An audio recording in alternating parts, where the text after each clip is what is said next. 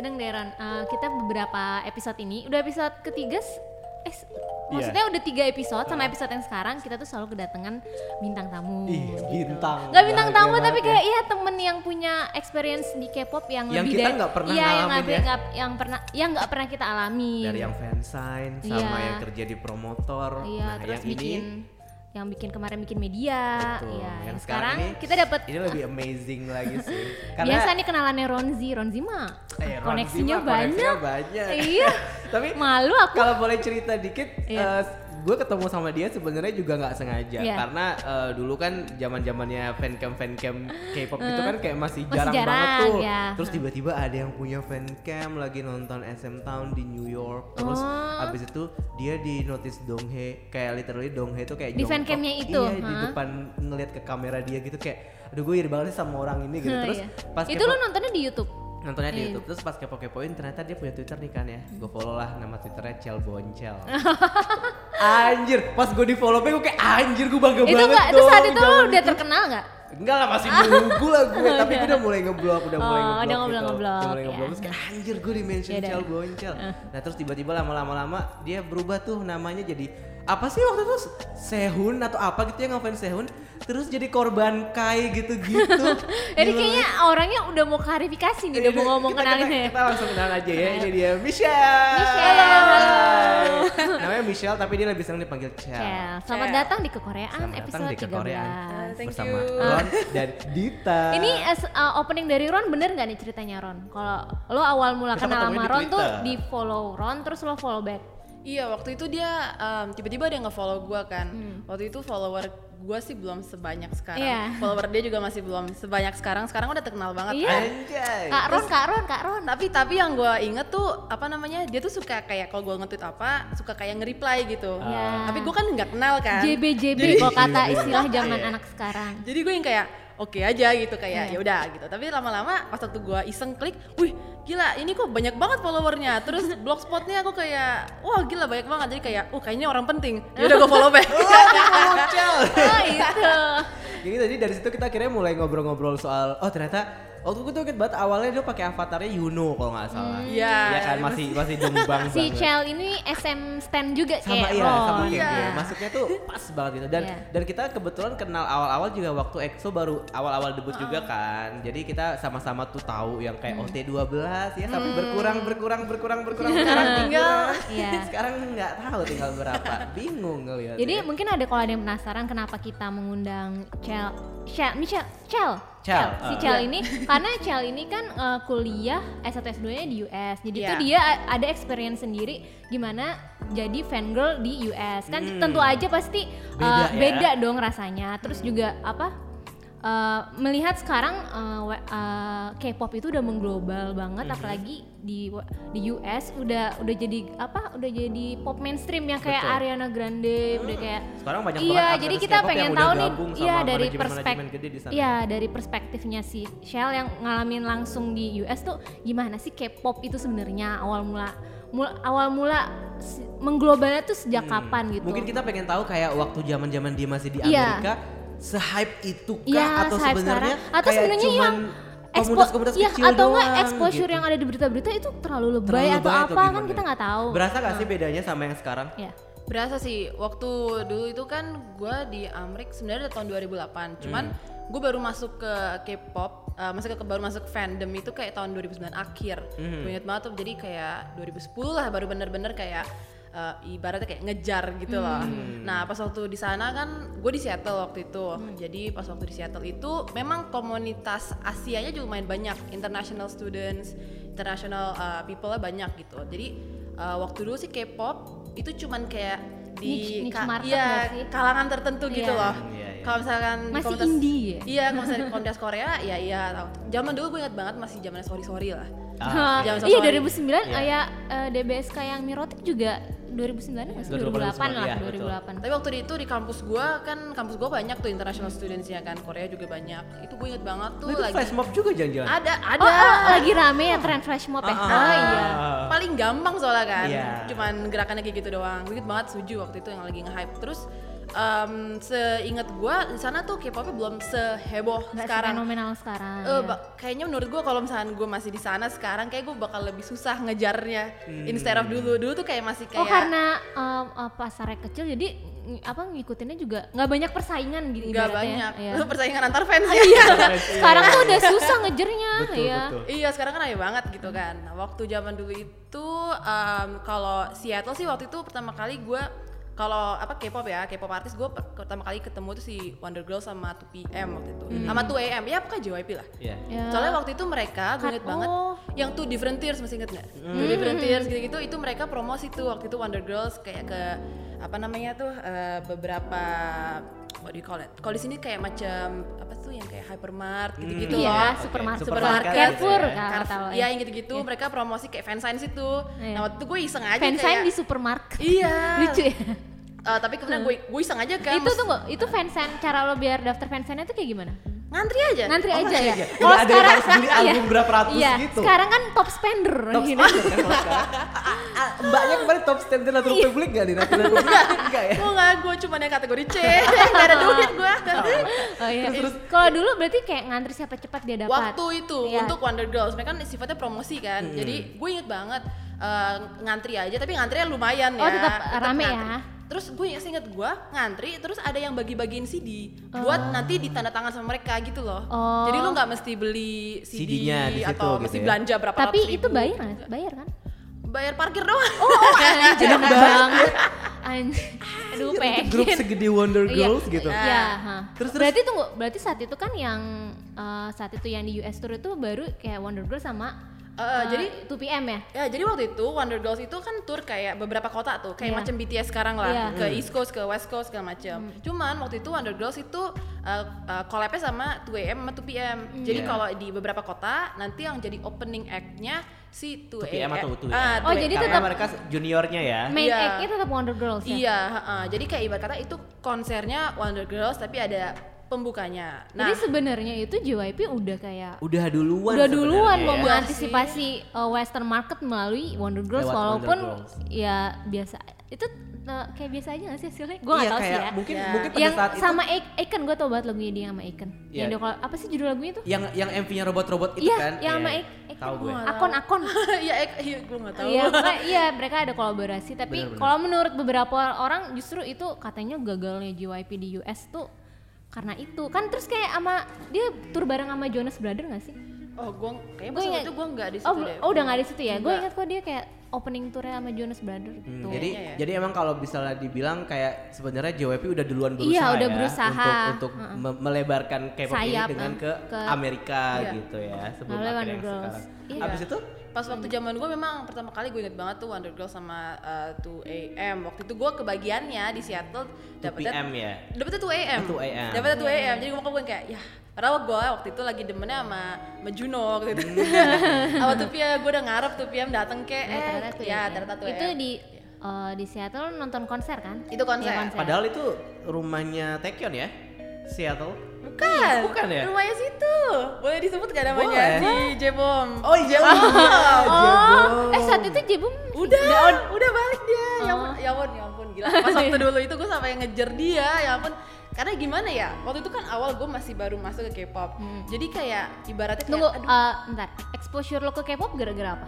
Gara-gara adik gue. Gara-gara Ada adik gue, adik gue kan waktu itu lagi K-pop. Sekarang udah enggak loh. Sekarang Udah, udah enggak, Tapi gue berusaha. Ada masanya. Iya, dan adik gue, adik gue bilang kita berusaha saling meracuni. Waktu itu gue Hmm. mau ngeracunin dia sama apa ya waktu itu something else. Terus kemudian dia yang kayak, ah lu dengerin deh, dia kasih gue suju. Hmm. Gue gue lihat lah, gue denger, gue lihat MV-nya, gue inget banget tuh Norago pertama Iya. kali. Oh Nora, soalnya di pertama kali liat Norago tuh bagus banget. Bagus, emang bagus. Eh, Sampai gua- sekarang banget. masih bagus. Oh, gue gue demennya It's yang dance version sih. Ah, iya, Ya, iya. makanya. Nah, situ gue yang kayak, lah kok enak. Nah, Iya. habis itu kan gue sempet balik ke Indo tuh untuk eh, apa namanya eh, winter vacation kan, balik ke Indo. Terus habis itu kayak makin gila lah dari Indo. Terus pas waktu balik ke Amerika gue yang kayak pas tahu J-Bom ada di Seattle, gue yang kayak anjir. Ah, udah dewasa pendengar. bu, bu, aduh gue pengen lah ketemu gitu soalnya udah satu kota tuh Iya. jadi Barata tuh kan masih lagi hot-hotnya kan dengan K-pop jadi kayak mumpung ada artis siapa pun artis yang datang gue mau ketemu gitu just for the sake of ya ketemu Hmm. Iya, K-pop ketemu gitu terus ya apa ya udah ketemu Jebom juga beberapa kali karena kan dia kan yang breakdance kan dulu sama Ketemunya tuh gimana? Lu Gak, gue udah kayak sasek banget waktu Sasek itu ya? parah Stalking. banget Iya, dan gue Gue proud dari, of it dari lagi hotel ke hotel. Oh, gitu. gimana? Pas waktu Jebom gak ke hotel Iya, Jadi waktu itu gue kan eh, pakai ilmu stalking gitu loh Jadi kayak kan Saat itu Twitter juga belum jadi Masih biasa terlalu- aja. belum biasa jadi aja. sumber informasi Ah, kayak belum sekarang banget, ya. belum banget jadi waktu itu gue banget gue punya teman Korea teman-teman emang orang Korea gitu loh. Dan dia tuh ya lu tuh you know kalau di Korea kan banyak yang kayak Tham atau Instis yang forum-forum Iya, tinggal iya. gitu-gitu. Nah mereka suka share info di situ. Nah katanya Translate translate gitu ya. Eh, iya dia dia yang kayak apa namanya waktu itu Jebom pas waktu balik ke Seattle dia balik ke tempatnya dia namanya Edmund. Nah Edmund. Dari tempat gua ke Edmund itu kayak 45 menit jauhnya gitu kan. Terus habis itu em, ternyata di sana di Edmonds ada memang komunitas Korea. Memang gede di situ komunitas Koreanya terus habis itu ternyata dia itu balik ke, eh, nge-breakdance bareng sama krunya yang AOM itu loh. Hmm, nah oke. situ ya udah kita ngestok aja. AOM ternyata cukup besar namanya di Seattle. Di Oh. komunitas-komunitas breakdancer gitu-gitu ternyata namanya cukup besar nah mulailah mikir kan pakai nalar kalau kayak gini kan pasti bakal perform ke atau kayak bakal apa namanya what do you call that kayak kompetisi ke Hmm. nah yaudah gue search aja dong terus ada muncul kayak kompetisi ini awan ini ya udah datang eh terus bener ada EOM terus bener ada, Ada di situ. sumpah gue udah kayak gue temen gue udah kayak Saat itu J-popnya udah keluar dari 2PM kan? Udah. ya? Dan- Padahal cuma sebentar ya. dan itu masih kayak itu masih hot banget dia kan 2009 2009 ya. ya. Oh kan Iya. dia sempat solonya tuh sukses tau solonya dia. itu setelah itu jadi Setelah, setelah solonya dia ya. oh bukan maksud gue gue ketemu dia sebelum dia solo Oh sebelum dia solo. Jadi Masih masih- kayak zaman-zaman dia break gitu ya. masih Oh. zaman zaman dia dalam pengasingan gitu Iya loh iya Oh, iya. iya, iya, Bener-bener ya. skandal banget. masih Ah. banget jadi pas waktu itu gue ketemu terus mau minta tanda tangan tapi dia bilang eh, dia cuma minta tanda tangan doang tapi pas minta foto I'm sorry nggak nggak bisa dulu bisa. gitu oh ya udah tapi kan gue fan cam kan terus habis itu meledak lah orang-orang kayak wah Pak Jebom healthy ya Iya, gitu gitu iya, kan iya, iya, iya. astaga Oh. jadi sebenarnya dari Jebom nah gara-gara itu makanya gue waktu awal-awal gue masih JYP waktu itu Hmm. makanya ke Wonder Girls ke 2AM ke PM karena Pak Jebom Karena Pak Oh J. kayak Bom gara ya. Park Jae-bom. Terus yang mulai dari SM-nya berarti setelah Norago, kenapa bisa tiba-tiba Yuno gitu? Oh, lu Jong, tahu. Jong Yuno gitu. Oh gue juga suka Yuno. oh iya. Karena Yuno setiap-. Karena setiap kali nonton cam-cam dia itu tuh dia tuh selalu kayak teriak Jong Yuno, Jong Yuno gitu. Kenapa ya waktu itu gue sumpah gue lupa loh tapi intinya waktu itu setelah dari suju gue abis itu ngeliat oh ya ampun gue ngeliat ini apa sih namanya lo masih inget nggak sih um, uh, variety show yang ada uh, Dongbang sama Suju Ya, bareng eh, EHB, tahu nggak EHB. Ya EHB, Human Body kan? Iya iya itu Ah, ya ya, terus oke. habis itu gue Ah gue juga awalnya dari situ. Legend itu legend sih. gila. Iya. Lagi lah. Terus habis itu adek gua itu adalah Dongbang Singki juga dulu. Ah Casey, Casey. Oke. Casey ya, Casio. Casiopea gitu kan. Nah pas Casiopea gue iseng lah dengerin lagunya. Terus habis itu gue nonton videonya apa ya waktu itu Wrong Number. Wrong Wrong, Number. wrong number. Iya iya. Wah di itu oke Wrong sih. number. Masanya yang ditonton tuh yang bagus-bagusnya. Makanya suka. Jadi gampang. Terus habis itu pas Wrong Number ya udah gue nonton yang lu tahu kan ada yang versi solonya Yuno yang yang music video tapi yang versinya Yuno, Hmm. Iya, versinya iya. Jejong gitu-gitu. Nontonnya Yuno punya, lah kok keren ya, kok ganteng ya. Oh ternyata jago dance ya. Soalnya gue demennya itu ya. di saat yang bersamaan lo eh, suka ngejar-ngejar Wonder Girl juga nggak? Apa Apa itu setelah? Setelah? Itu Oh, Berarti jadi kayak oh ya lu JYP dulu ya? Gue coba dulu. gitu Jadi ya. gue waktu awal tahun pertama itu gue masih yang Juno, ya bukan Yuno, Juno. Juno. Juno, Juno. Juno 2PM. Ih, ya. Juno. Ih, Tapi lo da- kedapetan kan eh, ngejar 2PM di US? Ada. Ada. Nonton konsernya ada ya? Ada. Sempat solo tour ya sebenarnya mereka? Eh, tapi gue nggak nonton yang solo. Jadi waktu itu mereka yang kayak tadi gue sempat cerita di LA itu Iya. ada namanya Korea Times Music Festival. Itu digelar tiap tahun sama ada di newspaper gitu yang eh, bahasa Korea gitu loh. Nah tiap tahun mereka undang kayak artis-artis Artis eh, eh, apakah itu idol group kayak atau apakah yang kayak trot. Pokoknya untuk family gitu lah. Nah, waktu itu Acara ada komunitas sebenarnya ya? Eh, enggak, jadi kayak festival musik. Oh, festival aja. musik. Festival Oh. musik gitu. Buat orang-orang Korea yang ada di situ gitu. Enggak juga? Uh, enggak, Oh, any- anybody Atau kan siapa aja uh, bisa. publik oh, ya? oke. Ah, publik karena kan memang marketnya ada. Nah pas itu em, pas waktu tahun pertama itu eh pas waktu tahun itu tuh ada 2PM, ada Kara, ada Beast, Ada Kara. Wah nih yang Ada- ini kan- generasi kedua yang terkenal semua. ada Beast, abis itu uh, Haha jadi MC, terus Kim siapa namanya yang itu em, Yang mana? yang di Running Man Kim Jungkook Jongko. Yang oh my god hampir lupa lupa. Terus em, ada beberapa dari situ kan mereka perform. Nah pas 1 PM ya udah ketahuan kan nginep di mana. Mulai, ya udah. Sensasengnya langsung. ya udah akhirnya sampai up to the point yang dapat juga tantangannya Juno waktu itu. Jadi Ah, kayak oh my God. itu, itu- tapi itu. foto bareng nggak nggak ya? nggak boleh foto Susah bareng. ya kalau boleh. Pasti ya, Oh, pas ya. Beast yang sama Beast yang foto bareng. Hmm. Yang sama si Gi Kwang gitu-gitu. Gitu sih. baru setelah, kali. setelah itu lo ke SM stand gitu habis itu iya soalnya kan udah, ter- udah, ter- udah terpenuhi kan Iya. Junonya udah udah. lewat oke Akhirnya next Sekarang. Wah terus lo, gue inget lo sih waktu itu pokoknya pertama kali gue ini baru dengar sebenarnya cerita dia yang Wonder Girls karena gue tahu dia setelah setelah dia masuk ke SM, nih SM, gitu oh. kan. Gue Iya, tahu iya. dia dari dari fancam Donghae itu gitu. Terus gimana sih ceritanya kalau misalkan sekarang nih kan kita ngejar tiket konser K-pop tuh kayak agak susah, gitu susah ya. lo saingan mesti Pada saat eh, itu nih ketika mereka konser apa SM Town ya di SM Town, di. New York dan dan di LA juga pada New York. gue nonton yang LA 2010 sama New York 2011 Nah itu gimana sih ke- pada saat itu apakah emang tiketnya nggak susah amat biasa-biasa aja atau oh, gimana? sih? Apa- persaingannya apa- yang apa sampai website servernya crash Oh gitu nggak Wah, mengalami itu juga nggak sih pada saat itu? ada waktu itu jadi memang harus standby Standby di depan laptop gitu Uh, kan. terus nge nge refresh Nge-refresh. nge refresh tapi sebenarnya waktu itu kendalanya bukan situ kendalanya lebih ke harganya harganya harganya waktu itu kan gue masih student kan Oh iya iya. Dan oke, waktu itu uh, SM Town waktu itu digelar di LA sama di New York. Itu kan di luar state-nya gua. Berarti kan gua mesti mikirin flight ticket gua, Oh. nginep uh, Akomodasinya. uh, uh, itu kan lebih mahal. Iya, iya, iya. Dolar gitu kan. Dolar Iya. lagi ya. Jadi makanya waktu itu pas gue ingat banget yang apa yang LA itu paling mahal gue ingat banget tuh hampir 300 dolar tuh ya yang di sitting eh bukan sitting sorry yang ibarat kata di floornya lah Hmm, mungkin sekarang kayak festival 3 gitu juta ya, mungkin 3 kayak ya udahlah tapi waktu itu zaman tuh kayak anjing mahal banget Iya, gitu kan bener. jadi ya udah akhirnya gue nggak di situ gue yang di kayak agak tribunnya gitu biar yang bisa jauh. foto ah, gitu. gue juga SM tahun yang di Jakarta, gue waktu itu masih student juga, jadi cuma bisa beli yang paling jauh. oh Pakai binokular Pakai ya. binokular. Iya. Cuman waktu itu kan pengen sedekat mungkin. Sedekat mungkin ya. Jadi kayak ya udah tapi kemudian ya udahlah em, yang di LA itu tapi dapat sih tiketnya, dapat. Terus kalau yang di New York em, waktu itu sebenarnya nggak susah banget sih bener Cuma refresh refresh aja. Oh, tapi, dapet ya, tapi maksudnya dapet, ya. heeh. Saat itu eh, Persaingan nggak terlalu iya, ketat nggak terlalu ya. ketat kayak sekarang. Dan mungkin percaloan juga nggak terlalu ketat kayaknya Nggak, pada saat oh, itu ya. Oh, kalau calo-calo scam-scam gitu ada nggak? scam sih untungnya gue nggak pernah kena scam tapi kalau calo ya itu em, biasanya kalau di uh, forum-forum atau enggak kalau di Facebook event page gitu suka ada kalau misalkan selling berapa tiket selling Ah. gitu-gitu atau enggak buying berapa tiket Mas, jadi masih sama sih kayak sekarang Tapi tapi Harganya aja. yang yang bikin iri sebenarnya karena lo nonton uh, konser SM Town ketika mereka tuh lagi berjaya-berjayanya Oh, gitu loh. iya, iya. ketika Shiny masih Itu lima. tunggu, itu lengkap EXO, ya? Uh, EXO, Semua. EXO belum ya waktu itu ya? EXO baru belum debut datang. ya? Belum, EXO EXO belum. Oh, belum datang. Tapi Super Junior tuh masih masih lengkap gitu, masih belum masih ada wamil belum ya? ada yang wamil. Terus Masih ya? Sonyoshide masih, Itu FX saat masih. Tennessee FX masih Saat Sonyuside yang The Boys itu nggak sih? Iya. Kan dia juga promo di US kan? Ya Iya. itu itu mereka ya pas waktu itu gue masih di Amerika tapi mereka promonya kan ke East Coast ke apa Atau New York emang, segala emang lu macam. di di mana? Gue di Seattle itu di Seattle West. West Coast. Heeh. Oh, Jadi di apa ya di mana ya buat kata ya? Ya Kayak Jawa. jauh lah jauh Ah. gitu mesti naik pesawat gitu loh. eh, tapi maksudnya itu saat itu juga SNSD-nya lagi promo US Lagi promo. juga kan iya. Iya, gue inget tuh waktu itu SNSD lagi promo. Di apa sih acara apa sih? David. David Letterman. Eh, David Letterman, iya.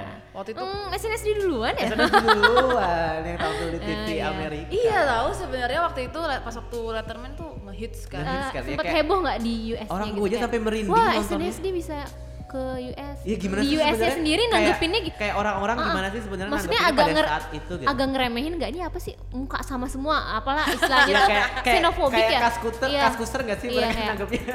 Orang US awamnya tuh saat melihat SNSD di di Atau US. K-pop X secara umum tuh gimana sih mereka Iya. sebenarnya? Waktu dulu ini jujur mereka kayak nggak peduli gitu. Oh ya, oh, nggak peduli. oh, ya. jujur mereka nggak peduli karena kan baru satu dari apa maksudnya gimana ya kan cuma satu doang terus mereka ngeliatnya kayak ya itu kayak lo bilang sama semua Jadi Oh, gitu. mereka gitu Kurus-kurus. juga ya? Ah, kayak ya udahlah ya gitu tapi nggak dianggap Tapi agak-agak rasis gitu gak? Bia- hmm, Biasa.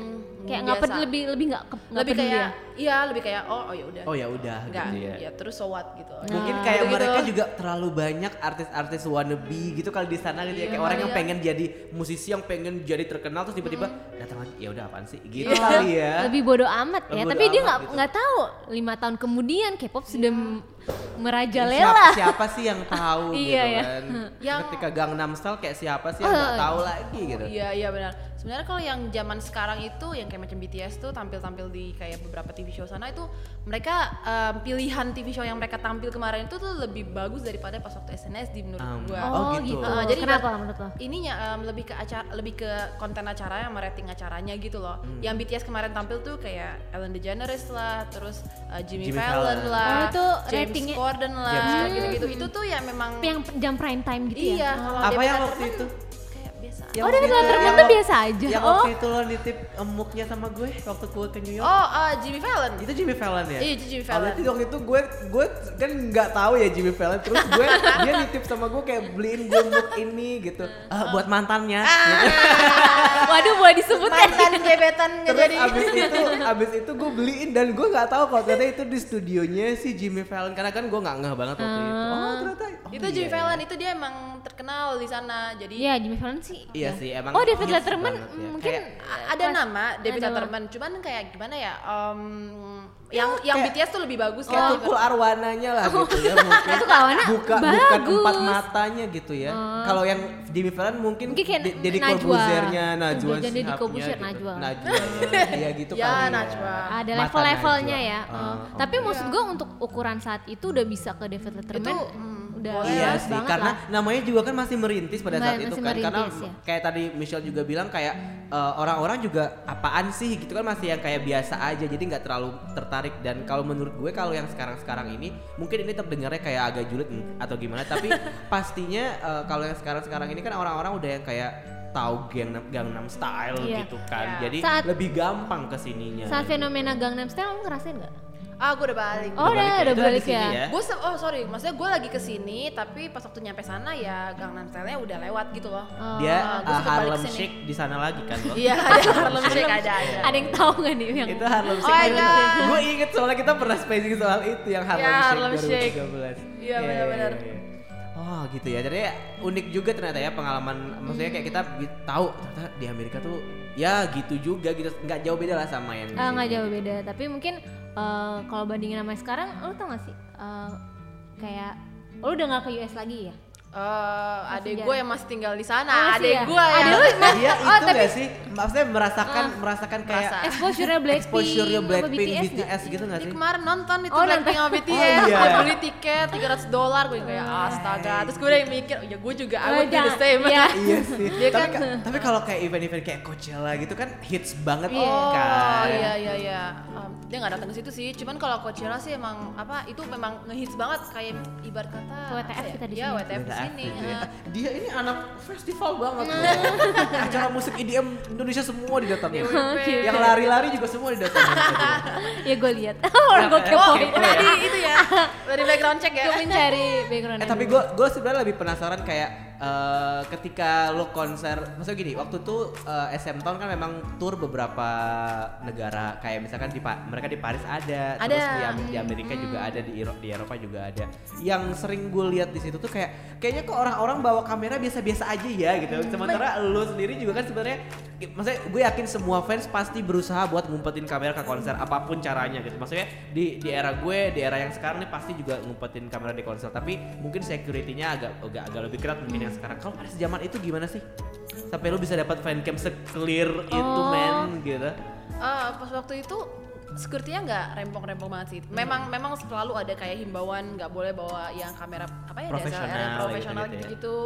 Cuman gue jadi ingat waktu dulu itu pas SM tahun LA, Hmm. gue bawa gue sengaja bawa kamera yang yang gede gitu loh, yang DSLR yang gitu. yang gitu ya. Iya, terus habis itu ya gue udah tahu pasti pasti bakal susah nih masuk nih. Ya udah akhirnya ini ini ini kayak do it yourself gitu sih. Jadi kayak gue iseng taruh di dalam, ini mohon maaf ya, tapi itu apa namanya? Eh, tau gak sih yang kayak kantong pembalut gitu Ah, Terus oke. taruh situ habis itu masukin udah nggak dicek Nggak apa-apa dicek apa-apa ya. Oke. Karena kan ya udah udah itu kalau yang di L, kalau yang di New York itu em, sempet di dicek kan tadinya tuh mereka strict nggak boleh bawa kamera um, yang digicam gitu gue nggak ah gimana sih ya gue udah bawa kan ya udah akhirnya kan tas dicek nih terus kemudian teman gue depan gue dia kan pakai hoodie-nya kan gede Uh-uh. hoodie gede gue taruh situ aja lewat lewat gue ambil lagi Oke. Eh tapi kalau misalkan kalau Tuh. misalkan ah Eh, emang fancam eh, lo yang mana sih yang terkenal? Yang Donghae. yang donghe yang donghe. Gua itu berapa viewsnya? Eh, bentar pada saat itu ya kalau mungkin kalau Iya. misalkan itu Ah, di- nggak, Mas, terjadi eh. sekarang mungkin itu udah, Udah bisa 100 ribu.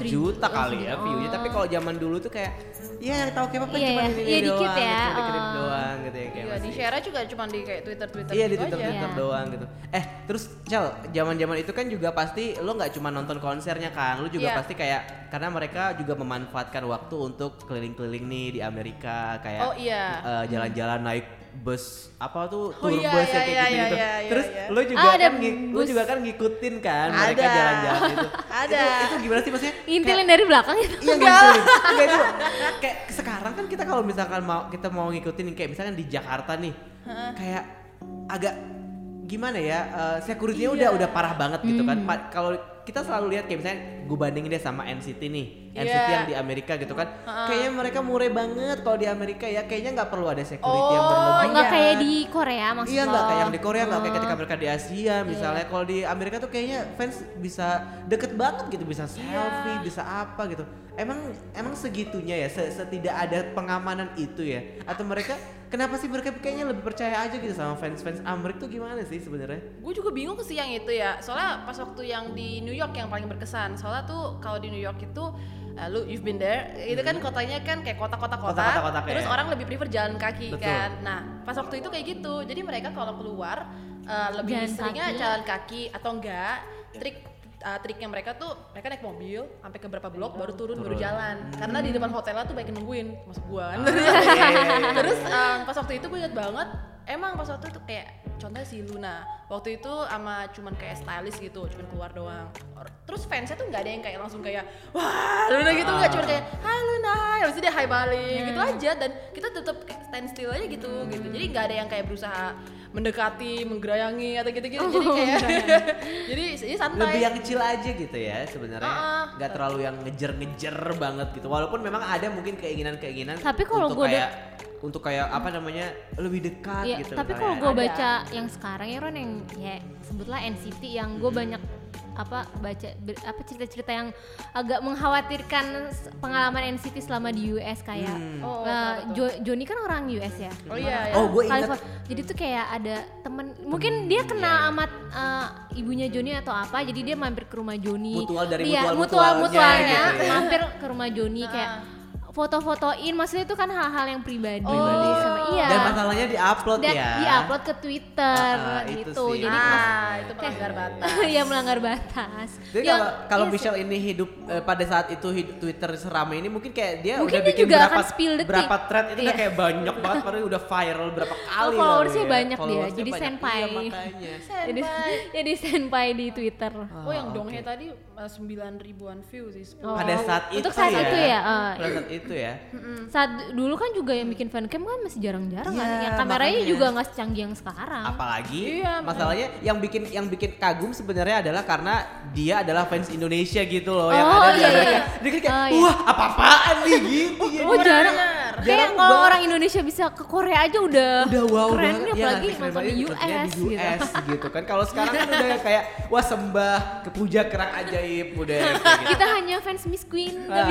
nah, eh, yang menarik lagi dari Cel ini nih dia ada dia pernah kuliah em, Ah. S2 di Full Sail University yang ternyata itu juga sebenarnya lo nggak sadar apa sebenarnya udah Gua udah nggak sih? tahu. nggak tahu ya Mhm. gue inget banget Kenapa? karena kita per, eh, gue waktu itu awal-awal jadi wartawan dan gue narasumber gue tuh dia Oh, gitu iya. jadi ternyata dia itu satu kampus satu alma mater sama komposernya eh, SM komposernya lagu Shiny yang Dream Girl Eh, yang juga meril apa menciptakan lagu EXO yang Growl ya Ah, Iya. Ada Eh, Fix siapa juga, lagunya Fix juga ada. Komposernya siapa? Eh, namanya sih eh, Ros Lara. Hmm. Dia tuh Dia kerja orang eh orang Amrik. Orang Amrik. Oh. orang orang kulit putih. Eh, tapi dia kerja sama bosnya itu namanya Hyokshin. Hyoksin. dengar. Mm. Ah, Hyoksin tuh Senior. sering denger deh. Iya iya komposer komposer eh, Komposer. Korea kan ya? Iya Ah, Hyoksin. jadi- Itu yang Oh. yang juga ngedebutin ini kalau nggak salah Dean.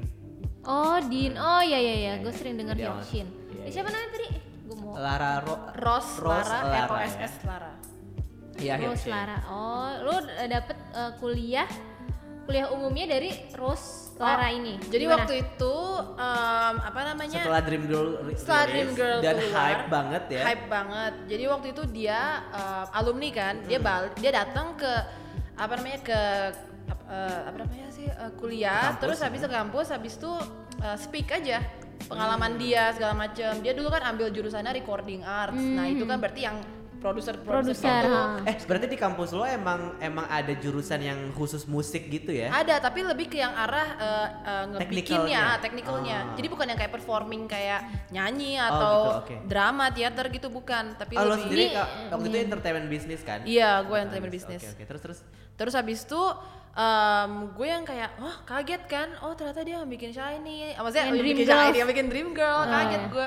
Terus waktu itu dia dia puter tuh eh, video klipnya di Ah. depan, terus itu benar-benar tuh bule semua kan Iya. gitu. Cuman gue doang, gue cuman gue doang yang kayak heboh. "Ah, iya, gue gue fan cam, gue fan cam lagi kan, gue rekam waktu itu belum ada IG story, jadi kayak, Iya, iya, iya. jadi gue yang kayak, oh my god, I know this. Habis Iya, itu iya. setelah itu gue samperin dia, gue inget banget, gue gue sengaja pakai kaos SM, langsung di notice ya.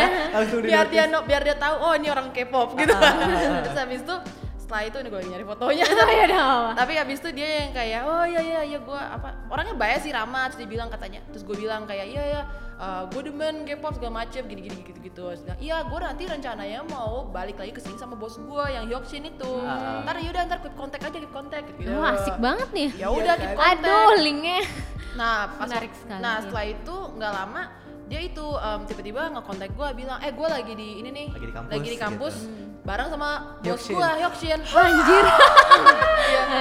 lu kalau mau lu datang ke gedung sini kalau mau ketemu wah langsung gua Ini ngebut kan masalahnya, Eh. masalahnya dia yang ngubungin Iya, Cel iya, gitu, iya. bukan Cel yang nanya lo lagi di mana gitu iya, gua- kan. Maksudnya dia bertemu dengan orang yang secara nggak langsung tuh sosok penting di mana di balik gemerlap K-pop di mana Betul. lagu-lagu Iya. enak K-pop tuh dia yang bikin Betul, kan. dan itu banyak banget loh dia nge, eh, apa namanya bareng sama Hyokshin ini dia Hmm. tuh udah nyiptain banyak banget lagu Iya. yang gro- eh, salah satunya mungkin memang eh, ini eh, apa namanya Dream, Dream Girl, Girl, tapi Dream yang Girls. memang gue inget banget cerita lo yang paling dia yang bikin dia paling bangga itu gara-gara si Girl ini tuh hype banget di Korea Ah, iya. Iya, si kan. Erorong itu, si karena emang itu. jaraknya gak terlalu jauh kan kayak cuma setahunan gitu kan dari Dream Girl ke Erorong kan Iya. Itu kan yang bikin EXO Iya, yang kenal bikin banget super kenal gara-gara makanya. growl itu. Nah terus pas lo ketemu waktu saat itu sama Hyokshin, Wah, lo gila. foto kan sama mereka? foto gua re- respon pertamanya ganteng ya Iya, yang iya, nyanyi iya. yang bikin lagu sama-sama aja gantengnya oh gitu. Iya ganteng kan, maksudnya habis itu ketemu ngobrol bentar lah ya, soalnya kan dia udah mesti ke itu lagi lah ada acara. Terus gue yang kayak oh, dia bil- dia naik ke gue, aduh eh, lo de- demennya lagu yang mana gitu. Gue bilang ya gue sukanya si Dream Girl sama si Errong ini, soalnya gue kan ya gue demen SM gitu. Oh iya iya, kita ada beberapa project sama SM ini itu ini itu gitu. Iya, gitu. Kayak oh iya iya iya. Oh berapa ya basa-basi lo berapa lama di sini gimana? Eh, gimana kan kantornya dia kan di Atlanta kan, beda state. Jadi kayak apa namanya? Dia memang terbang ke situ karena ada urusan gitu. Terus, habis itu udah sih, terus habis itu foto, habis itu oh ya, ntar keep, keep in touch lah, gini-gini gitu. Oh iya, gitu. Sampai sekarang keep in touch. Enggak. udah lupa. udah lama banget ya, Udah lama banget. Dan Udah sekarang, terlalu excited dan kayaknya. sekarang Jumbas juga udah gede banget kan. Jumbas, iya, ya Jumbas kan ampun. udah Oh, gede Jumbas banget. tuh- Itu kayak nama music grupnya gitu kayak Oh iya iya, gue sering Kayak banget company. kalau baca-baca uh, Production house-nya uh, gitu. kalau baca apa tuh uh, credit, Credit title, title, tuh sudah ada ah, di dalam Jumbas. kurung Jumbas. Itu oh punyanya si Shin Hyuk itu. Oh gitu ya ya. Gitu. Kayak lagu Monster X juga ada yang ada dari ya pasti Jumbas pasti awal-awal pasti ya. ada deh kayaknya Iya. karena Oh ini. pada sih. saat pada saat itu kan Aduh beda banget emang sekarang. pada saat itu kan yang pakai yang pakai eh, apa namanya yang menggunakan jasa penulis luar kan emang nggak terlalu Hmm. Baru banyak kan SM baru aja SM ya? doang Iya, kan.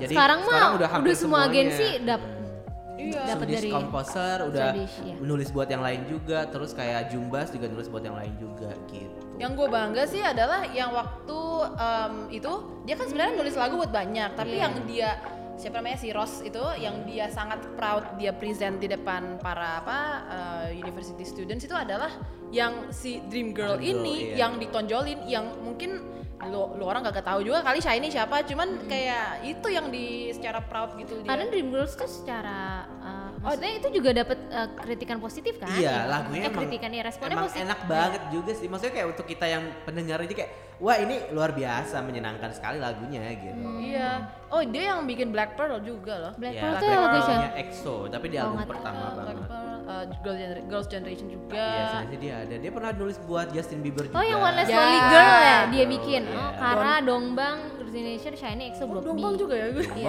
Aku baru tahu. Gue baru googling nih. Seru banget. Tin Top ada, waduh. Eh, kalau misalkan kita ngomongin soal uh, Western validation nih soal soal K-pop. Kalau menurut lo, lo sekarang ngelihatnya gimana sih?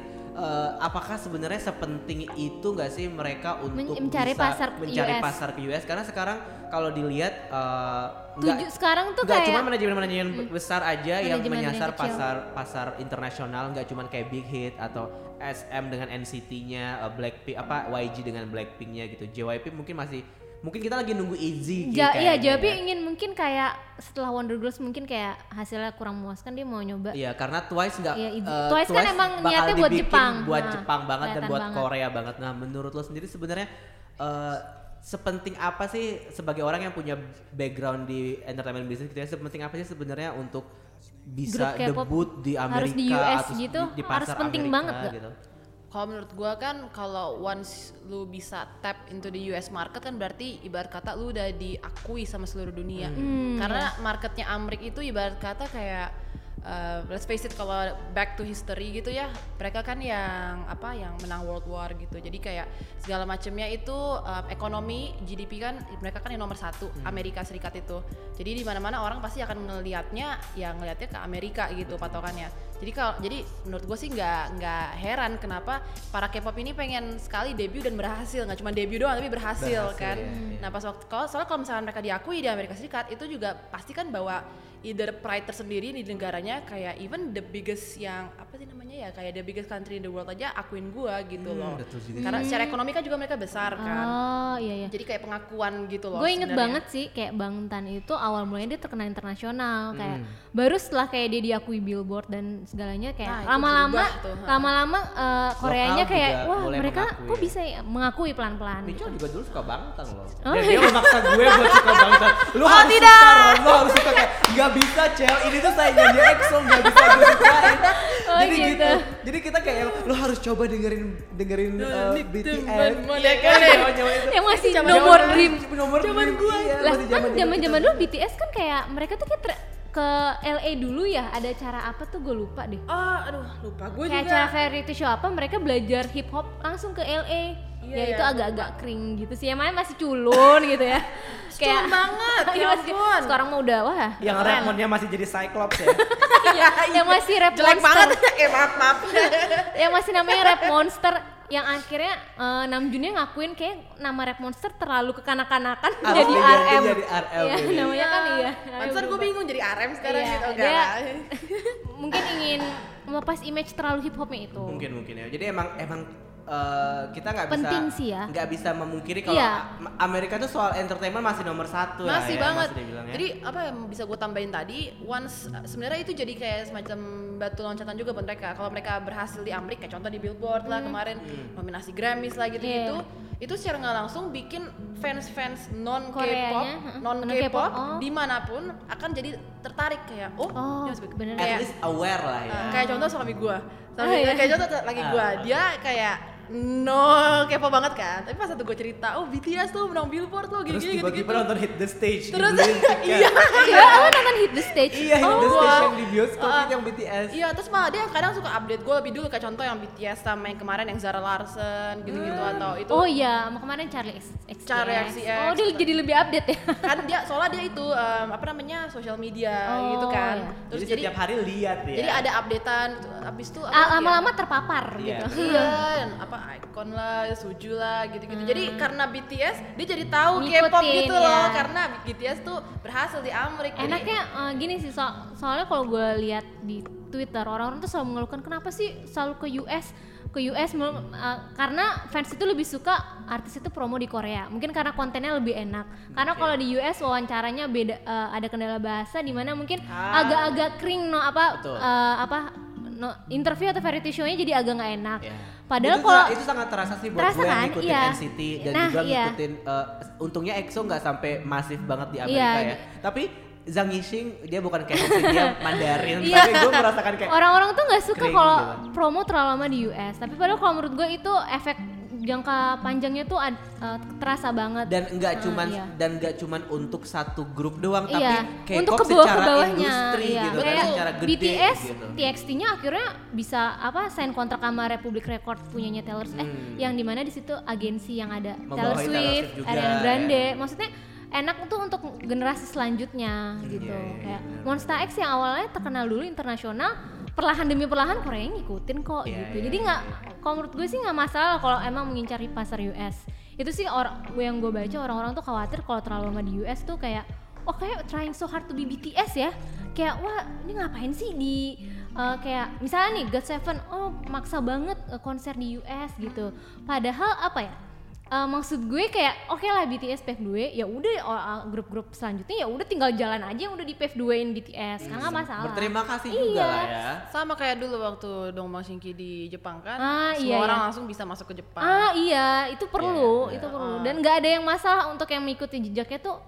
Tapi tuh kayak orang yang mengikutin jejaknya tuh kayak diremehin gitu. Kadang-kadang gue merasa iya, iya. ini kan maksudnya akan selalu ada regenerasi gitu. Betul. Lo nggak dan, bisa menolak dan memang itu. ngelihatnya juga kayak tadi gue bilang ngelihatnya nggak nggak bisa kayak satu act doang gitu Iya. loh. nggak bisa kayak dongbang doang atau misalkan Sonyoshide doang nggak bisa ngeliat kayak BTS doang tapi ketika BTS sebagai uh, sebuah grup K-pop yang sukses di Amerika itu efeknya ke semua. K-pop secara K-pop gitu Nggak usah, nggak kayak- oh. kayak BTS atau manajemennya Iya, doang kayak gitu, nggak usah lah nyinyir-nyinyiran. "Hmm, nih di US mulu kayak. Betul, Ya lo juga men- menikmati konten-kontennya. Cuman gitu. sekarang gue suka karena uh, berkat BTS, jadi yang lain masuknya gampang. Hmm. Pada akhirnya mereka punya ada konten lain loh selain BTS. Kita bisa Iya. ngeliat NCT di Amerika, kita bisa ngeliat Blackpink di Amerika. Mungkin Iya. nanti kita Iya. bisa ngeliat EG juga Stray di Amerika. Kids sedang Stray juga Kids, Ah, iya, merangkak, bener. terus uh, 80s Monsta X ya. juga ha. gitu. 80s bahkan dari manajemen yang kayak Ma- manajemen "Siapa kecil, ya iya. Ini, gitu.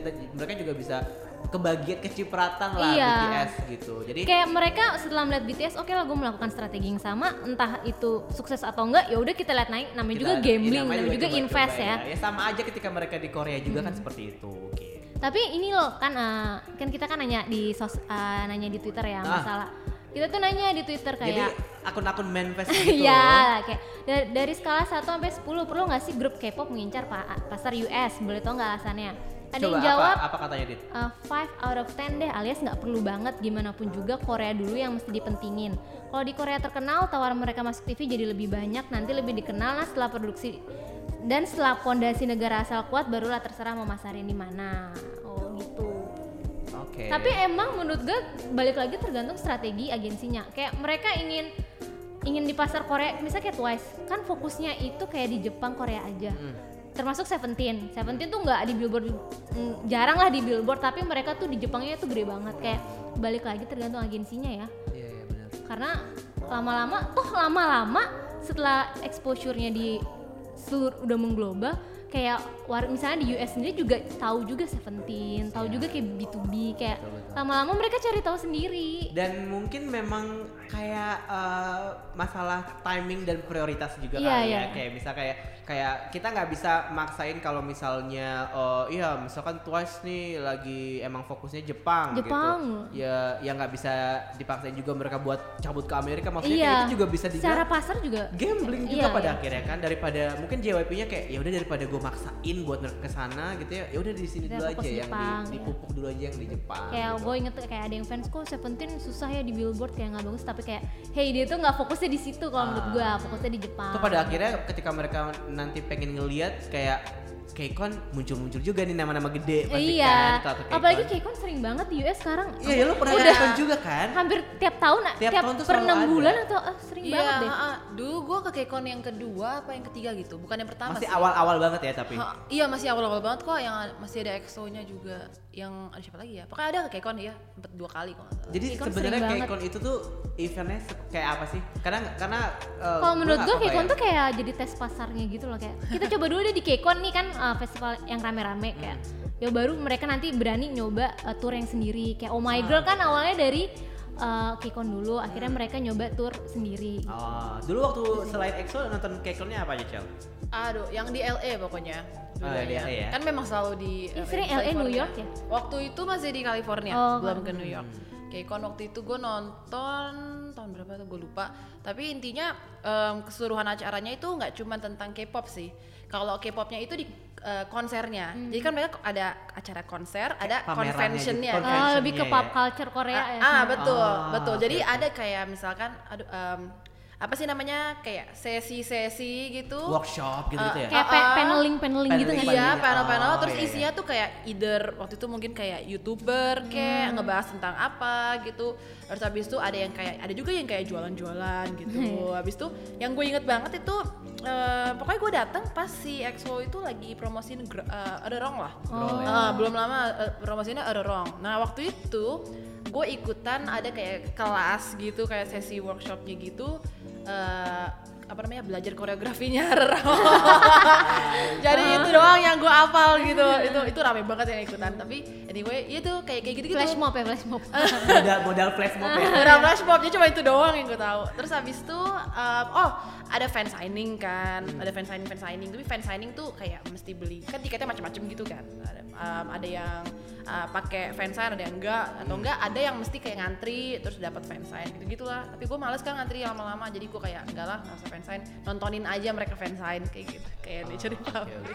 Eh, terus juga kita eh, ada satu hal yang kita lupa nih. Karena eh, tadi kita bahasnya banyak kan yang Amerika kan. Ya, Terus iya. sekarang kita pengen kayak ketika kita balikin lagi nih ke Korea, ternyata memang di manajemen-manajemen Korea itu salah satunya SM yang mereka bikin eh, apa ya kayak attraction untuk international fans gitu yang kayak global package terus Oh, juga iya, konser-konser iya, iya. yang mereka ngundang yang memang jatahnya khusus untuk fans internasional. Mereka bikin SM tuh Coex Atrium Iya, itu kan buat turis-turis luar kan. Waktu itu kayaknya kalau nggak salah lo pernah nonton konser winternya EXO nggak sih waktu di Korea?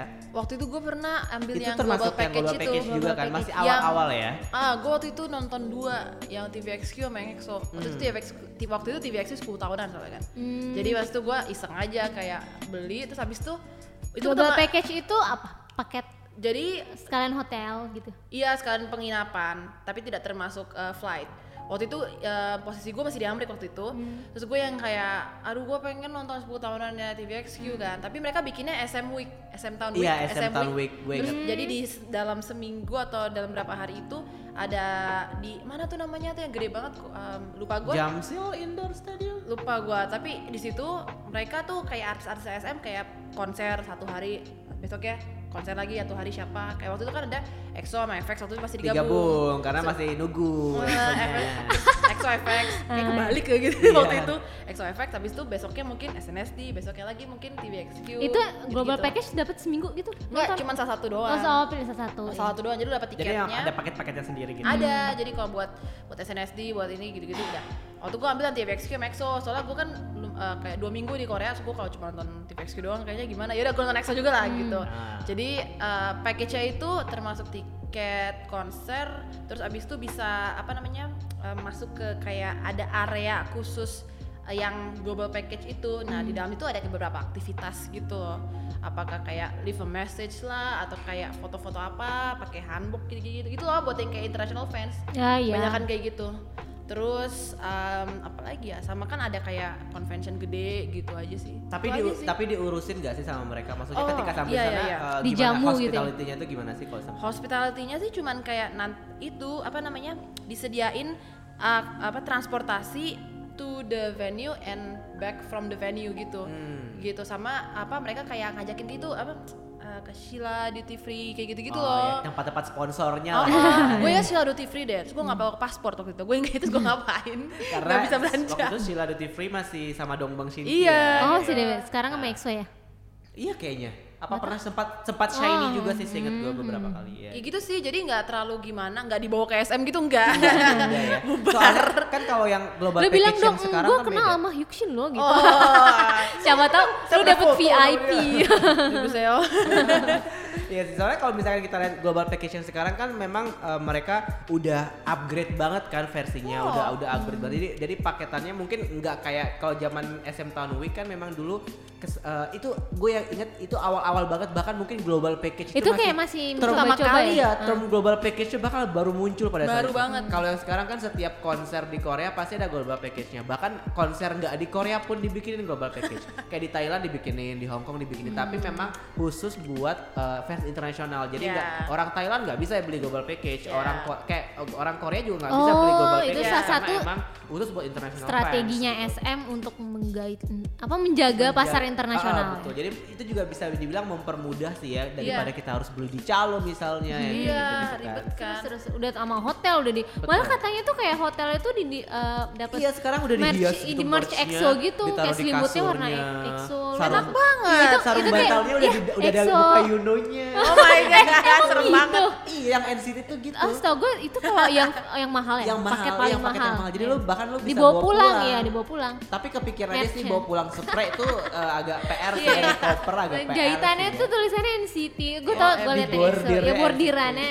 Kita nanti akan mendatangkan orang yang sudah pernah pengalaman global package deh untuk bisa ngebahas soal yang ini. Kalau si Chel masih yang awal-awal ya, jadi Masih- belum masih kayak gitu. satu Iya. ya? Masih basic banget. Masih basic. Basic ya. ya. Cuman makan, cuman udah gitu. yang Sekarang kayak- makin mahal tapi juga makin gede apa servisnya. Cuman yang pengalaman pengalamannya Cel yang nggak yang nggak bisa kita dapetin itu adalah ketika SM Town di masa kejayaannya itu Ha. yang kayak masih Madison Square Garden put it back on gitu kan yang kayak Masih wah, ada ya itu masih orangnya. ada Iya, gitu iya, ya. iya. Wah. Saat mm, K-pop masih niche-niche-nya. Iya, emang kita masih Sekarang kayak udah, kita kita wah, aja nih yang ngedengerin ya. Kalau sekarang udah kayak semua orang sekochela Ponakan. udah Iya. bang udah gitu. Gue tahu.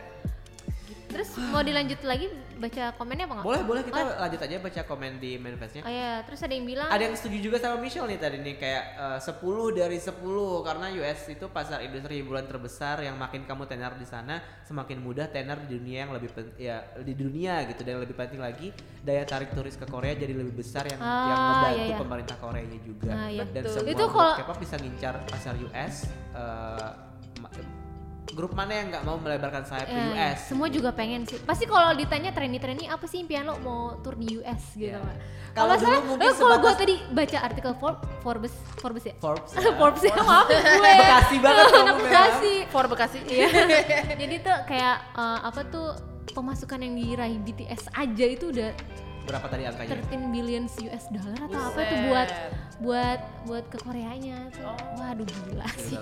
Ya kan kalau kalau dulu kalau dulu kan orang-orang eh, mikirnya kalau baru debut mau jadi siapa mau jadi Dongbang Shinki Iya. gitu saking mereka suksesnya di, Iya. di Jepang gitu kan mau jadi siapa mau jadi seperti Sonyo Shide gitu kan kalau sekarang kita udah punya BTS nih aku mau, mau jadi, jadi siapa EXO. aku mau jadi BTS mau bisa eh, debut di Amerika Iya. gitu tapi gue suka sih eh, BTS ini karena eh, walaupun gue nggak terlalu ngikutin berita-beritanya maksudnya gue nggak nggak bukan army gitu ya tapi gue eh, senang ketika mereka bilang bahwa eh, mereka nggak pengen ngerilis lagu dalam bahasa Bentuk- Inggris Oh, karena mereka iya. pengen K-pop itu ya ini Lebih enak sebenarnya bahasa Koreanya. betul Iya. K-pop itu ya seperti yang kita nyanyiin sekarang ini yang bahasa Korea ini jadi mereka tetap mempertahankan elemen Korea mereka gitu. Gitu tuh. Hmm, terus tapi eh, terus ada yang komen Michelle nggak mau pindah ke Rich Brian aja.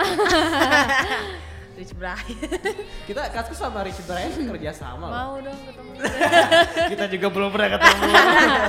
belum pernah sini. ada lagi nggak? Ada, lagi yang komen pasar Asia lebih luas kan. Lagi pula aku nggak suka kalau biasku udah ke sana jadi berubah. Fans di sana pun kebanyakan lebih gila dari fans Asia jadi aku kurang suka. Oh, Emang ternyata pasar ada juga yang kontra ya. Kalau pasar itu emang lebih luas Asia daripada Amerika. Kalau kita lihat aja populasinya. em, Sebenarnya lebih luas US eh Asia gitu. Em, kalau ada semua digabung ya, ya of course Iya Asia luas Asia kalau pasti Asia. luas. Kalau Tapi mungkin kalau pundi-pundi Asia tuh kayak nggak sebanyak US nggak sih? Gue merasanya. Nggak tahu juga sih kalau kayak gitu. tapi kita kan lihat eh, pendapatan apa maksudnya income per kapita Oh, orang lihat masing-masing. lebih baik ke Eh, GDP-nya ya. Aku iya, paham tuh. iya, iya GDP Iya. per kapitanya kalau di Amerika kan besar, Oh, jadi mungkin orang orang US tuh lebih loyal. jumlahnya besar. Tapi memang eh, ya butuh validation itu Iya. sih ya untuk untuk bisa untuk lebih bisa tepatnya lebih- sih agensi lebih pengen untungnya itu. Kalau pro secara- bisnis lah. Kalau Iya. secara bisnis memang Iya. seperti itu. Tapi sih dari ya. tadi tuh kita ngomonginnya kayak SM. Tapi kalau kayak YG tuh Big Bang atau 21 sempat populer nggak di US? Waktu pas zaman gua, gua belum pernah nonton YG punya acara sih di sana. Maksudnya belum kalau event, ya? kalau Ya? event kayak belum deh. Belum ya? Waktu Oh. gua belum deh, enggak. Bener-bener cuma YG, eh sorry, JYP terus SM. Jadi karena 21 agak emang juga- suka agak telat di karena si YG. Enggak soalnya 21 juga baru masuk Billboard setelah setelah album Crush itu yang which is album keduanya mereka dan itu udah kayak udah berapa tahun setelah mereka debut gitu itu 2004 2013 kalau nggak salah itu album Hmm. pertamanya 21 yang masuk Billboard sementara kalau uh, Big Bang itu kayaknya setelah fan- era Fantastic Fantasy Baby Baby ke tuh menurut gue terkenal banget loh. Iya, kayak itu di Billboard sih. ya, dan hype banget. dan yang stay di Billboard sebenarnya yang paling yang lebih lama adalah albumnya G Dragon bukan Big Bang Oh, G-Dragon. Oh. G-Dragon.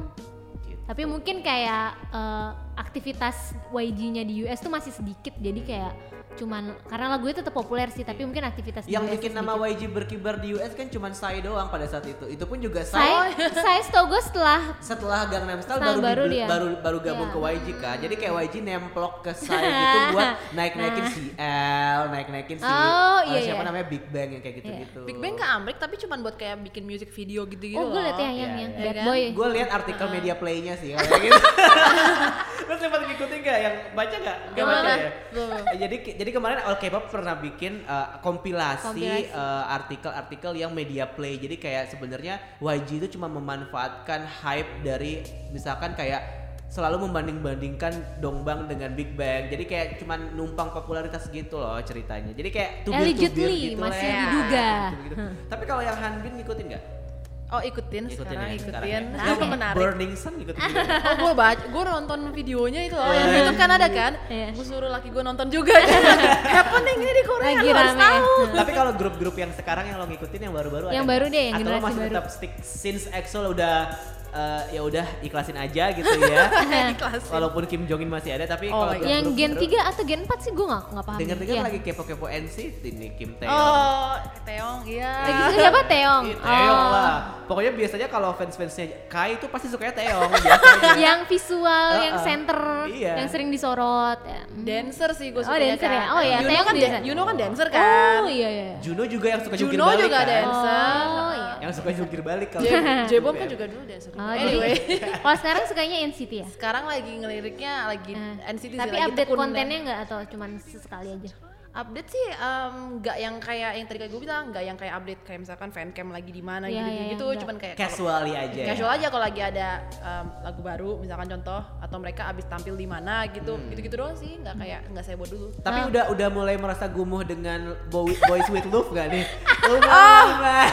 Kayak di mana-mana diputar terus kan oh lagunya. gue masih belum sih gue malah suka sih gue Iya, telat gue iya. telat sih sukanya Oh, tapi untungnya telat. Untungnya telat. Jadi enggak efeknya ya nggak itu terlalu ya, lama ya. gue nontonin video klipnya mulu, eh bukan video klip, eh dance praktisnya Dance mulu kan, iya, gue iya. udah bener Jimin kan, nonton itu Oh dancer. Dancer lagi. Dancer lagi. Dan segeng sama Kai masalahnya. Oh iya iya. Iya. Satu satu geng geng, ya. satu permainan. Iya, jadi ya gue semen nih. Kan Ya, NCT mau konser di Singapura mau nonton? Nah, gue kemarin lihat tuh, Nah, gue iya. nungguin Jakarta deh. Katanya Jakarta Jakarta malah enggak tuh. Ah elah. Waduh, gue Ronzi kayaknya tahu nih Iya, kenapa Jakarta soalnya enggak. Gosip-gosip insidernya katanya Jakarta eh, jadwalnya nggak cocok tuh mereka. Ah. Jadi kayaknya cuma sampai Singapura sama Thailand. Malaysia lah.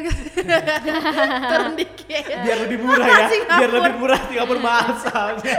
Mau Singapura. Oke, wah seru banget nih Seru-seru. obrolannya kali ini kita Gue menemukan perspektif baru dan kayak insight ya. juga ya dari dari gimana sih ketika uh, Michelle lagi di Amerika dan Lagi happeningnya apa di US. K-pop lagi awal-awal muncul-muncul gitu kan bahkan Ron pun nggak tahu kalau ternyata udah pernah mengunjungi Jimmy Fallon gitu kan. Sumpah Cel, gue tuh baru baru ingat sekarang kalau gue tuh pernah mampir ke Jimmy Rock- Fallon. Rockefeller Square ya. Rockefeller namanya. Square. Di situ kayak oh ini tuh Jimmy Fallon ya. Gue Jimmy pernah Fallon tuh terkenal banget lu bahkan nggak Iya sadar. nggak sadar gue pernah ke situ bahkan gue nggak sadar saking begonya Lu gue. nggak foto di situ apa? Foto orang doang nggak foto diri sendiri Oh. masalahnya pada saat itu ah, fotonya cuma di Broadway doang di Lion King Asik. Wah, tapi thank you banget udah meluangkan Yeah. waktunya hari ini. Thank Dan you. sebelum kita bubaran, kita, Kita pengen tanya menutup- dong. eh, kita akan menutup episode ini dengan, Dengan- lagu Eh, rekomendasi. gue berarti harus rekomendasi dong. Oh, gue iya belum dong. kepikiran. Lo belakangan ini Iya, atau ada nggak sih satu lagu K-pop yang walaupun ini udah lama banget tapi selalu tetap merasakan lo muda ketika mendengarkannya Mudah. gitu. Berarti nggak bisa yang lagu yang baru ya. Kalau Boleh. baru soalnya nggak Boleh mudah. aja sih Iya, kalau ada lagu yang baru. Kalau misalnya lagu yang lama juga boleh aja sih. Oke, kalau lagu baru, yang lagu baru aja ya. Boleh. So far. Ya kan, gue lagi NCT kan ya. Hmm, Ya. Superhuman. Enggak, gue malah lebih suka Boss. Oh. yes, kenapa? Karena ada win-win. Selama ada win-win semuanya akan lebih baik. Kalau Kenapa bos? Kenapa? Iya, kenapa bos? Itu lagu yang bikin lo suka sama NCT? Eh, enggak sih, kalau yang lagu yang bikin gue suka adalah si um, Cherry Bomb. ya, eh, Cherry Cherry Bomb. Bomb. Cuman gue lebih suka eh, ya itu kembali lagi koreografinya. Oh ya iya dia, emang. kayak lo suka, oh karena lo banget gua. uh, bi- bisnis entertainment jadi harus melihat segi-segi Ah, iya, iya. Visual. banget, lebih jeli performance gitu ya, ya. Iya itu dia, gue emang cita-cita ke situ. Tapi gue Oh. down banget ada satu part yang si Teong tuh, Teong kan yang buka kan soalnya, jadi iya, kayak iya, iya. enak aja gitu ngelihatnya apa lihai banget, lihai apa? Lihai apa sih?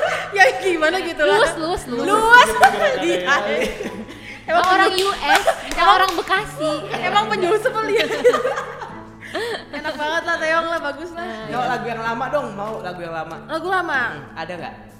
Ya. Lagu-lagu tuanya dong bang gitu atau Toho. Kamu kan anaknya Toho. Oh nih. Shinki. Oh, tapi kalau oh ya udah deh kalau kalau TVXQ. Bolero, bolero. Aduh gila itu madesu banget. Muring, muring. madesu banget. Iya soalnya gue mohon maaf you know udah agak gimana gitu.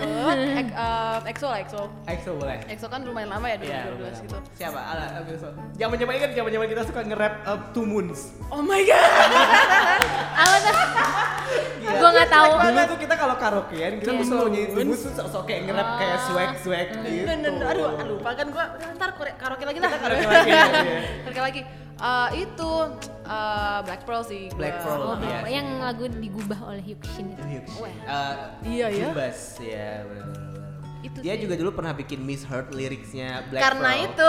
Oh, Miss Hurt. Iya. Zaman-zaman dulu nih, zaman-zaman masih uh, ada apa bahasa everyday. Masih kan nggak akun bahasa everyday. Oh, at bahasa everyday Iya. itu ya. Kayak gue tahu deh itu. Ada ada. Gue taunya SM, eh, bukan SM salah gaul, aduh gue lupa sih. Itu mah ada makin tua lagi. Eh, lo ada lagu rekomendasi nggak? Karena ini lo SM stan, ya jadi gue Balik eh, to back to basic Iya, ya. back to basic ya. Oke deh gue eh, merekomendasikan lagu gara gara tadi si Cel ngomongin Luna, ada satu lagu Luna yang gue suka banget, yang Free Somebody. Bisa Somebody. Wah itu bagus banget ya. itu lagu debut yang Gue lebih suka gitu. Luna menyanyikan lagu eh, yang kayak gitu daripada balad. Udah tau gue gak suka balad ya Ron, Iya jadi kayak iya, gue kangen Luna comeback dengan lagu seperti Free Ya, Somebody. dimaafin. Gue Ah, sebenarnya iya, pengen dimaafin. gue pengen rekomendasi lagu solonya Win Win, tapi gara-gara Win- Emang ada? Nggak ada makanya. Emang bisa nyanyi? Eh, bisa Nggak ya? sedikit kak, bisa sedikit, alhamdulillah. Tapi gue pengen rekomendasiin lagunya eh, satu lagu dari albumnya TVXQ. Iya. Wis. Itu yang agak dangdut gitu. Oh, oke gue tahu. Apa? Purple Line. Gue tahu maksimum ya, bukan. Maximum. Iya. you know me so well. Dia selalu ngomong Eh, dangdut. Wih, Itu dangdut dari mana the gitu. Best banget itu lagu the best banget dari album eh, itu. Keep Your Head ya, Down ya? Keep Your Head Ah, Down iya, ya. tahu. Ya, itu keren banget sih. Gue dulu nonton SM Setelah tuh pengen lihat lagu itu ya? secara live. Jadi kayak wah banget. Nah, Ah, iya. Thank you Michelle Ya, udah datang ya. hari ini. Thank you. Terima kasih udah berbagi cerita sama kita. Udah udah nggak berasa sejam kita ngobrol-ngobrol. Oh, iya. Gila.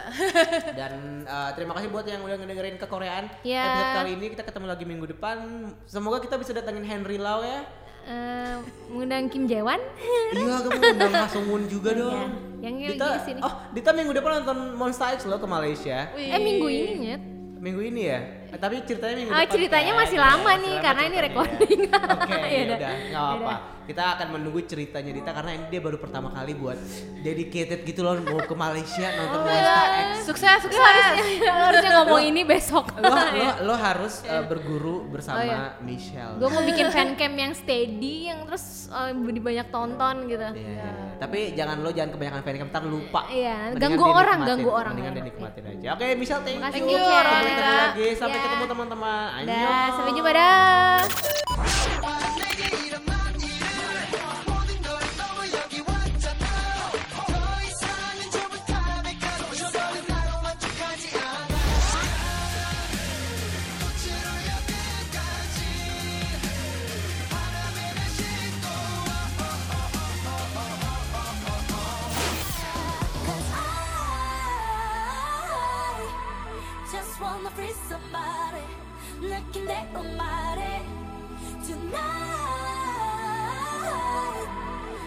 너와 나 이 순간에 자그러운 밤에